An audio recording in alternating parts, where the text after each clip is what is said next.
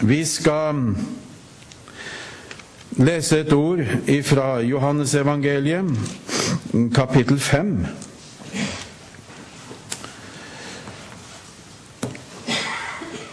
Det vi har vært litt innom ved forskjellige anledninger under denne bibelcampen, som jeg synes dette summerer opp på en god måte. Og så står det da slik Vi skal lese fra vers 1 til og med vers 9. Og så vil vi også ta med oss vers 14 i Johannesevangeliet kapittel 5. Der står det slik i Jesu navn. Etter dette var det en av jødenes høytider, og Jesus dro opp til Jerusalem. Ved saueporten i Jerusalem er det en dam som på hebraisk heter Betesta. Den har fem søyleganger. I disse lå det en mengde syke, blinde, lamme, vannføre, som ventet på at vannet skulle bli satt i bevegelse. For en engel steg fra tid til annen ned i dammen og rørte opp vannet. Den som da først steg ned etter at vannet var blitt opprørt, ble frisk, hva sykdom han så led av. Det var en mann der som hadde vært syk i 38 år. Jesus så ham ligge der og visste at han hadde vært syk i lang tid. Han sa da til ham, Vil du bli frisk? Den syke svarte ham, Herre, jeg har ingen til å kaste meg ut i dammen når vannet blir opprørt. Og i det samme jeg kommer, stiger en annen ned før meg. Da sier Jesus til ham, Stå opp, ta din seng og gå. Og straks ble mannen frisk, og han tok sin seng og gikk. Men det var sabbat den dagen. Vers 14. Senere fant Jesus mannen i tempelet og sa til ham, Se, du er blitt frisk. Synd ikke mer, for at ikke noe verre skal hende deg.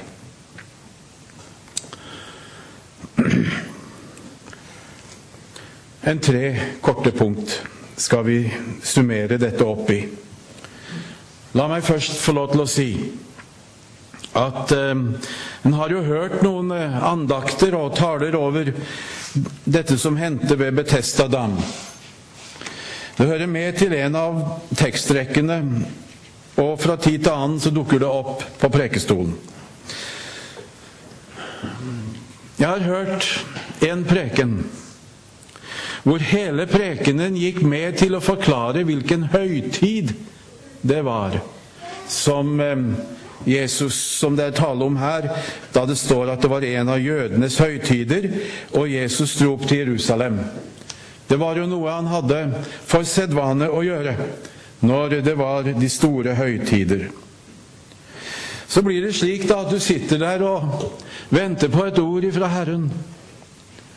Noe som kunne gi noe hjelp i, til min sjel men akkurat å dosere rundt hvilken høytid det var, det syns jeg var et veldig misbruk av anledningen. Så har jeg hørt en annen tale som gikk ut på å diskutere rundt vers 4.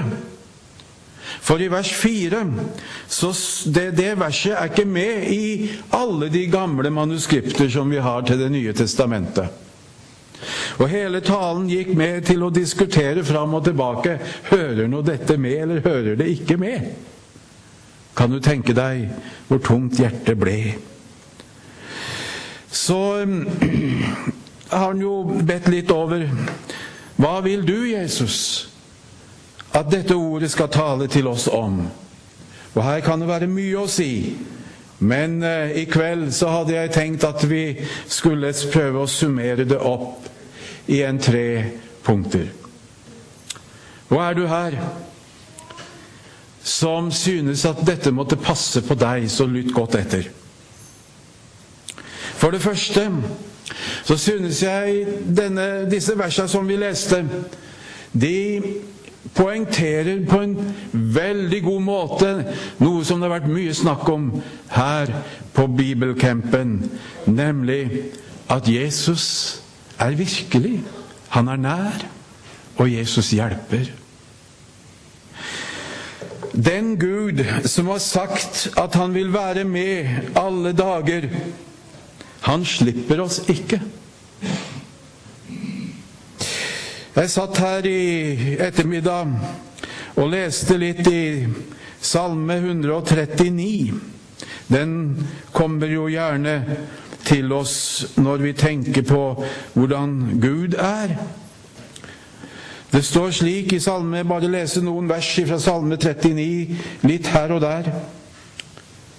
Enten jeg sitter eller står opp, så vet du det. Langt bortenfra forstår du min tanke. Enten jeg går eller ligger, ser du det. Du kjenner nøye alle mine veier. For det er ikke et ord på min tunge. Se, Herre, du vet det alt sammen. Bakfra og forfra omgir du meg. Du legger din hånd på meg. Litt lengre ut i salmen tar jeg morgenrødens vinger, og vil jeg bo ved havets ytterste grense så fører også der din hånd meg, og din høyre hånd holder meg fast. Den hånda vi bruker til alt, vet du, den holder oss fast. Slipper oss ikke. Litt lengre ute Hvor dyrebare dine tanker er for meg, Gud. Hvor veldig er summen av dem. Vil jeg telle dem?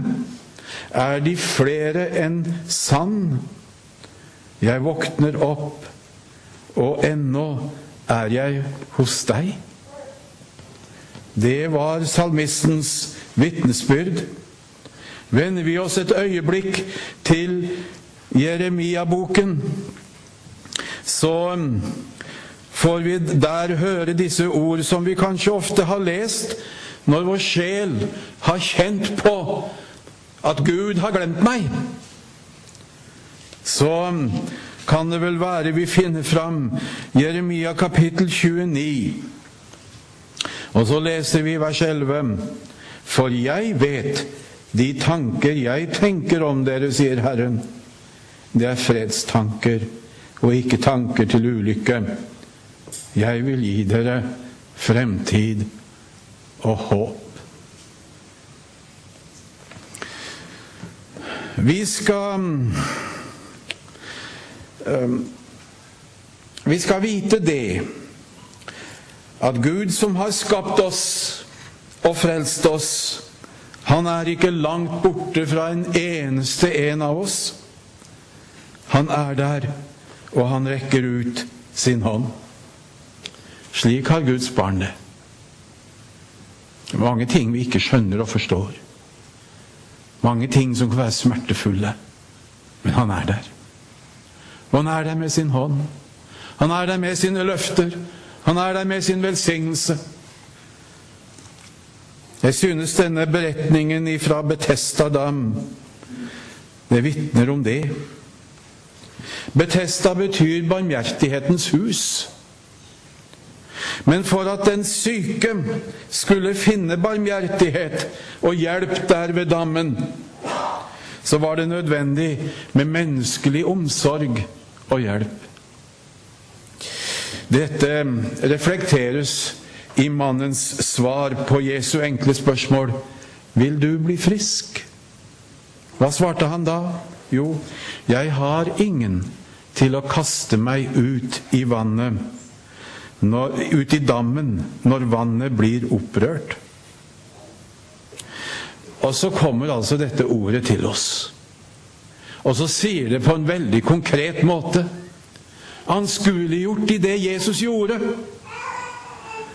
Ordet sier at der alt menneskelig håp er ute, der står Jesus med sitt 'Vil du bli frisk?' Det er godt å ha en slik Gud som vi kan få venne oss til og rope ut i vår nød. I alle livets situasjoner, stort eller smått, skal vi få tre fram for nådens trone. Med frimodighet, står det. Og der få miskunn og finne nåde til hjelp i rette tid. La meg få ta dere med på en liten ting som hendte meg for mange år siden, og som noen vil si tilfeldigheter. Ja. Men for meg ble det den allmektige, nådefulle Gud. Han var nær. Det ble slik. Det hendte på en preketur oppover på Sumatra i Indonesia. Hadde vært borte i flere uker, som en gjerne var i den pionertiden i Indonesia hvor vi kunne reise veldig fritt utenfor store anstrengelser og holde møter både her og der. Vi pleide da på sommerstid, gjerne fra midten av mai og til begynnelsen av august, i alle fall midten av juli, å være ute på sånne evangeliseringsteam, heter det. Da var det studenter ved bibelseminaret der på Øst-Java hvor vi fikk vår arbeidsplass.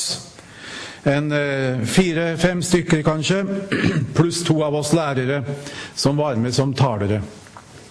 Og disse studentene de var Fokhal Group, heter det på indonesisk. Dere skjønner hva det betyr. Fokhal Group. De spilte gitar, og vi hadde ordna det sånn at det var en som var links på den sida, og så var det en som spilte riktig på den sida, slik at gitarhalsen stakk ut på hver side. Og så sang de. Og de sang så flott. Og så var det vi, da, som var med som talere. Vi hadde som sagt vært borte mange mange uker. Og vi hadde ikke penger med oss. Fordi indoneserne hadde jo ikke penger, og da skulle jo ikke vi misjonærer ha penger heller. Vi, vi levde nesten fra hånd til munn, altså. Det kan en jo gjøre i ungdommen, selvfølgelig. Og vi hadde fått skyss med en elvepram. Vi skulle ut på noen øyer ute i havet, Javahavet, sør for Malakka og, og, og Singapore. Vi fikk greie på at det tok ett døgn. Det eneste vi hadde av mat, det var to Det var seks stykker, da. To plastikkposer med Coca-Cola-bokser. Det var det vi hadde fått med oss. Vi hadde fått det i gave der vi hadde vært sist.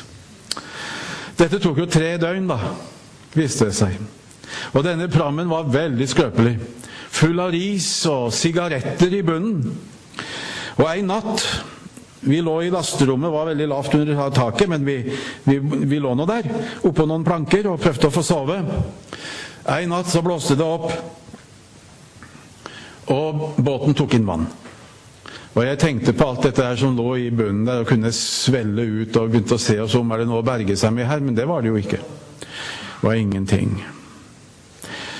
Så var det han som var, lå ved siden av meg. Vi våkna nå først, vi da, før vi lå sånn til at vi kjente litt på vannet og sånn som kom. Og, og de andre våkna, og så fant vi fram Bibelen vår. Og så leste vi dette ordet som står i Timotius-brevet, at Gud ga oss ikke motløshetsånd. På indonesisk står det 'Gud ga oss ikke roch ketakutan' fryktsånd. Så ba vi til Gud, og så var det som en kjente det at Herren var nær. Ja, det var litt det som Øyvind var inne på i dag, altså at vi kristne vi er ute for de samme forhold som andre. Stormen stilna ikke den. Eller for en sjøulk, kanskje det var bris, jeg vet ikke. Men for en landkrabbe som meg, så var det storm. Den stilna ikke. Vannet kom inn fortsatt. Men veit du hva? Vi sovna. Seinere på natta så gikk, gikk, båten på grunn på en sandbanke og sto bom fast. Sjøen la seg. Om morgenen etterpå når vi våkna, så så vi det at bare noen hundre meter lenger inne så var det korallrev. Da måtte vi takke Jesus. Kjente at han var så nær. Da måtte vi takke Jesus. Og det verste av alt var at når jeg kom hjem en par uker seinere, kanskje, husker ikke akkurat hvor lenge det var, så spurte Guri hvor var du hen den natta? Jeg var så redd og måtte be. Vi har en forunderlig Gud. Han er nær. Han er der. Midt i det som er vanskelig og smertefullt, så veit vi én ting. Han sitter på tronen ennå den gamle av dager. Han er der. Det skal du som tror på Jesus, få lov til å regne med i ditt liv. Om det er aldri så mørkt, om det er aldri så smertefullt. Det er ingenting som er for smått, det er ingenting som er for stort.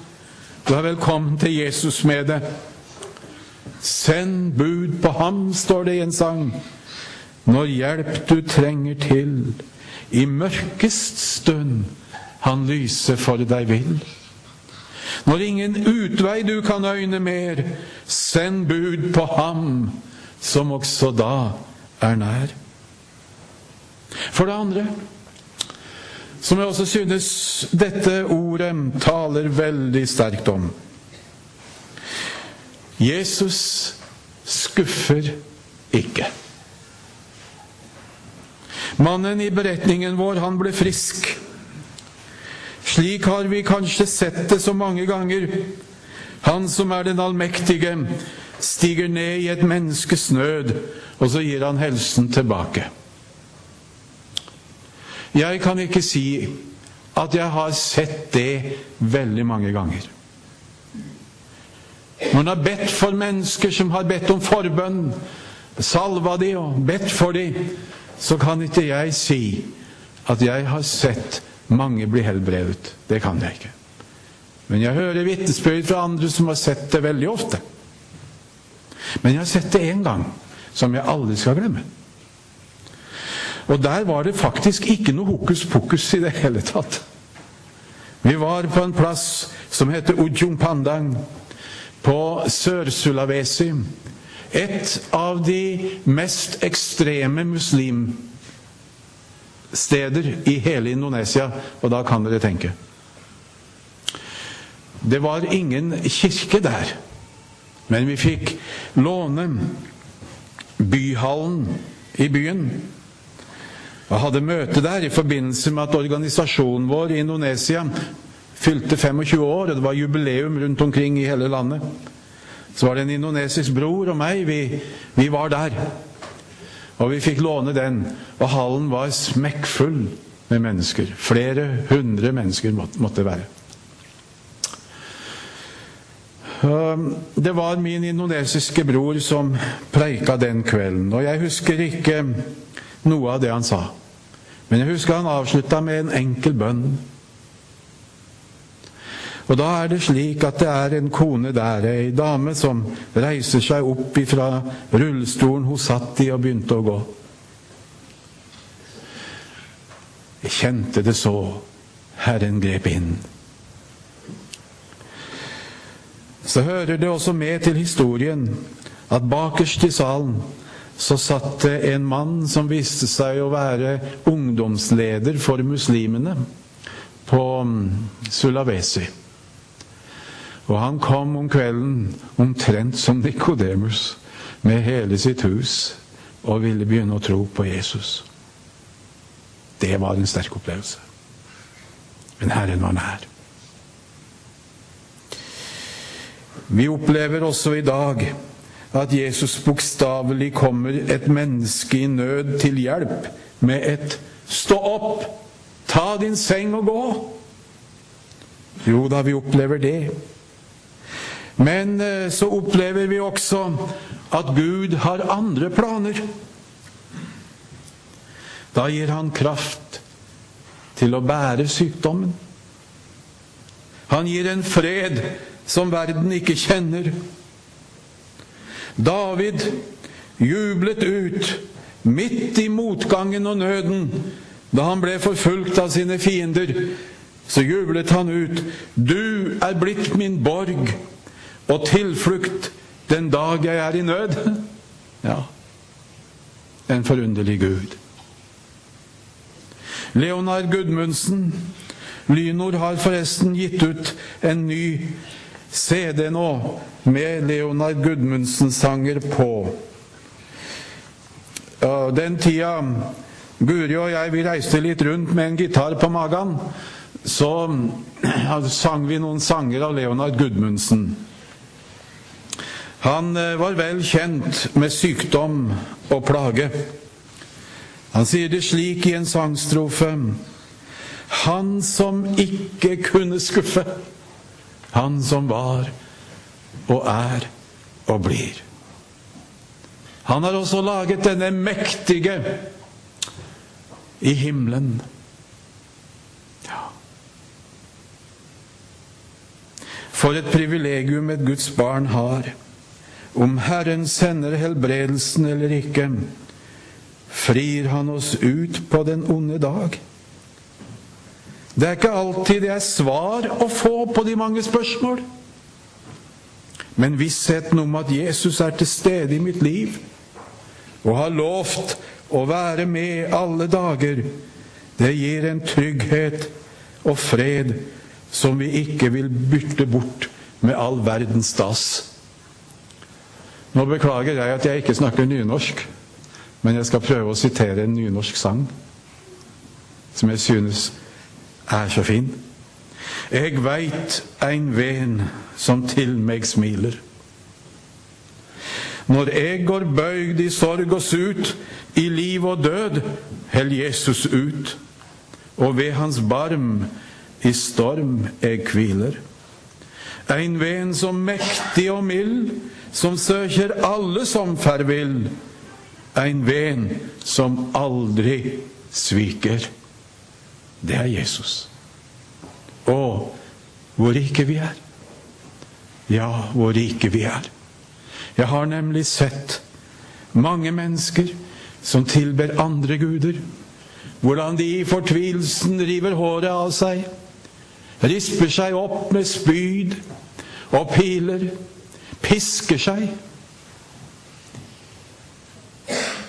i sin fortvilelse og roper og har ingen å rope til. Tenk, vi har en Gud som er nær.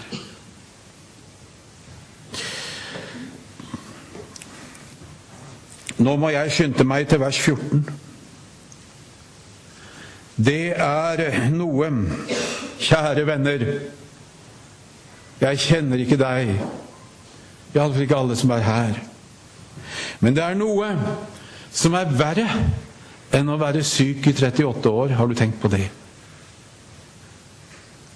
Og det er en evighet borte fra Gud.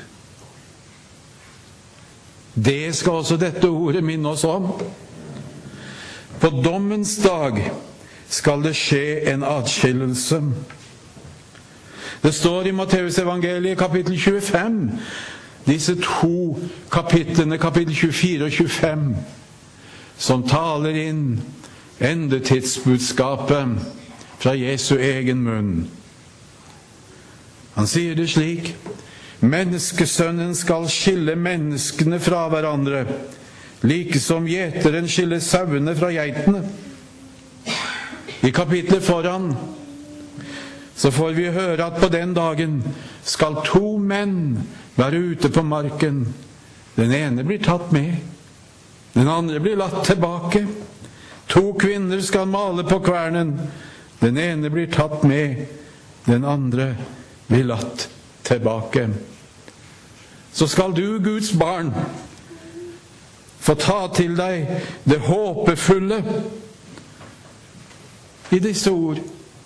For de taler om Guds barns store framtid. Vi skal få være med Jesus for evig. Da er vandringen over. Da er kampen over. Og det står i det du, Gunn, hadde til åpning I verset etterpå, tror jeg det blir. Da Da er det ikke, ikke Da er det slik at det er ingen sykdom mer, står det. Det må jo bety at det har vært her i tiden. Men i evigheten skal det ikke være det. Det skal ingen smerte, ingen nød, ingen hunger mer. Da skal vi leve i det fullkomne samfunnet, i Hans nærhet, og prise Ham og synge lammets pris. Ser du det? Kan du glede deg over det? Det er en frase vi kanskje bruker, men i mitt hjerte blir det noe mer når vi sier 'Det beste står igjen for Guds folk'. Gled deg over det. Men på den andre siden så peker ordet på den grufulle sannhet at det er to utganger på livet. Det er noen som blir latt tilbake. Jeg syns det var svært å høre i dag tidlig om disse som skulle rope på fjellene 'Fall over oss!' fordi de ikke kan stå i Guds dom, kan ikke møte Herrens vrede. Du som tror, skal få slippe det.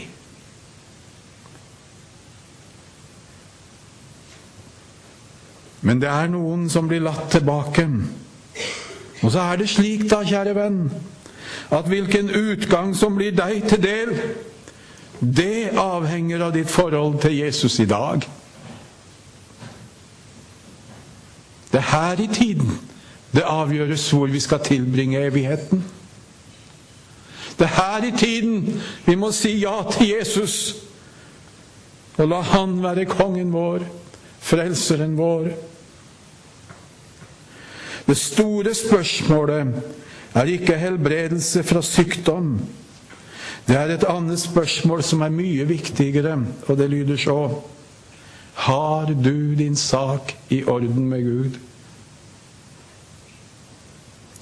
Kanskje livet har stelt hardt med deg? Hjertet har blitt hardt. Bittert. Kanskje ting har gått i stykker for deg, og du lever borte fra Gud. Du skulle kanskje ønske at han ikke så deg. Hør hva Bibelen sier. Kan noen gjemme seg på hemmelige steder så jeg ikke kan se ham? Fyller jeg ikke himmelen og jorden, sier Herren. Du kan ikke rømme til Gud. Du kan ikke rømme ifra Gud. Men så skal du også vite at Han som kom til jord og ble såret for våre overtredelser, knust for våre misgjerninger, straffen ble lagt på ham. Hvorfor?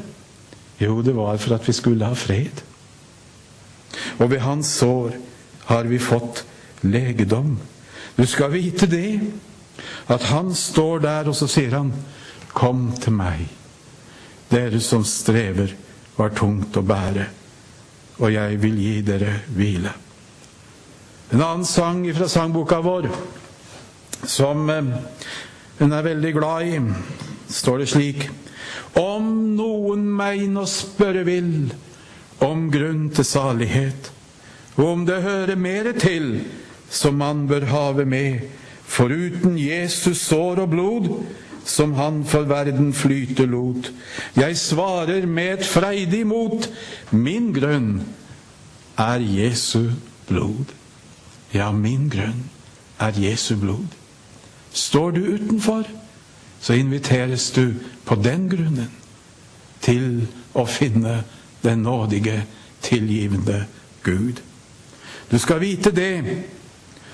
På korset så møter Frelserens blikk deg. Du har sikkert ikke, i hvert fall ikke mange her, vært i Sør-Amerika. Men der er det nok av kors og Kristusfigurer som henger. Det er nesten fælt å si det, men noen av dem taler et tydelig språk, syns jeg. For der henger Jesus på korset sånn, sånn billedlig, og så ser han ned med omsorgsfulle øyne. Så må jeg tenke på denne, denne sangen. Om den kunne gå til ditt hjerte, om du har behov for å høre det i kveld. kun et blikk. Kun et blikk ifra smertenes sted, der vår Herren av kjærlighet dør. Han har sonet din synd, han vil gi deg sin fred, så du ikke skal frykte som før. Kun et blikk til din fattige sjel ifra ham. Dette blikk som slo ned i din nød og din skam. Og så du, ja, og så du det blikk ifra ham. Du ser det her i Skriften, i budskapet. Du er velkommen til Jesus. Han vil så gjerne gi deg det evige livet og frelse deg fra den evige fortapelse. Kjære Jesus, vi takker deg for dette ordet, og takk for at vi har fått være sammen her, Jesus, nå i flere dager, noen av oss, og takke deg for det som du har gitt oss. Ber vi om at bibelcampingen både i, i de dagene som ligger foran, må bli til velsignelse for de som er med. Vi vil så gjerne få reise herfra og vite det, at du, Jesus, du er frelsen min, og at jeg er blant de som får regne med din velsignelse i livet, og til sist en evighet i den store skaren, i festen i himmelen. Takke deg, Jesus, og ber om at du må velsigne oss fortsatt i Jesu navn. Amen.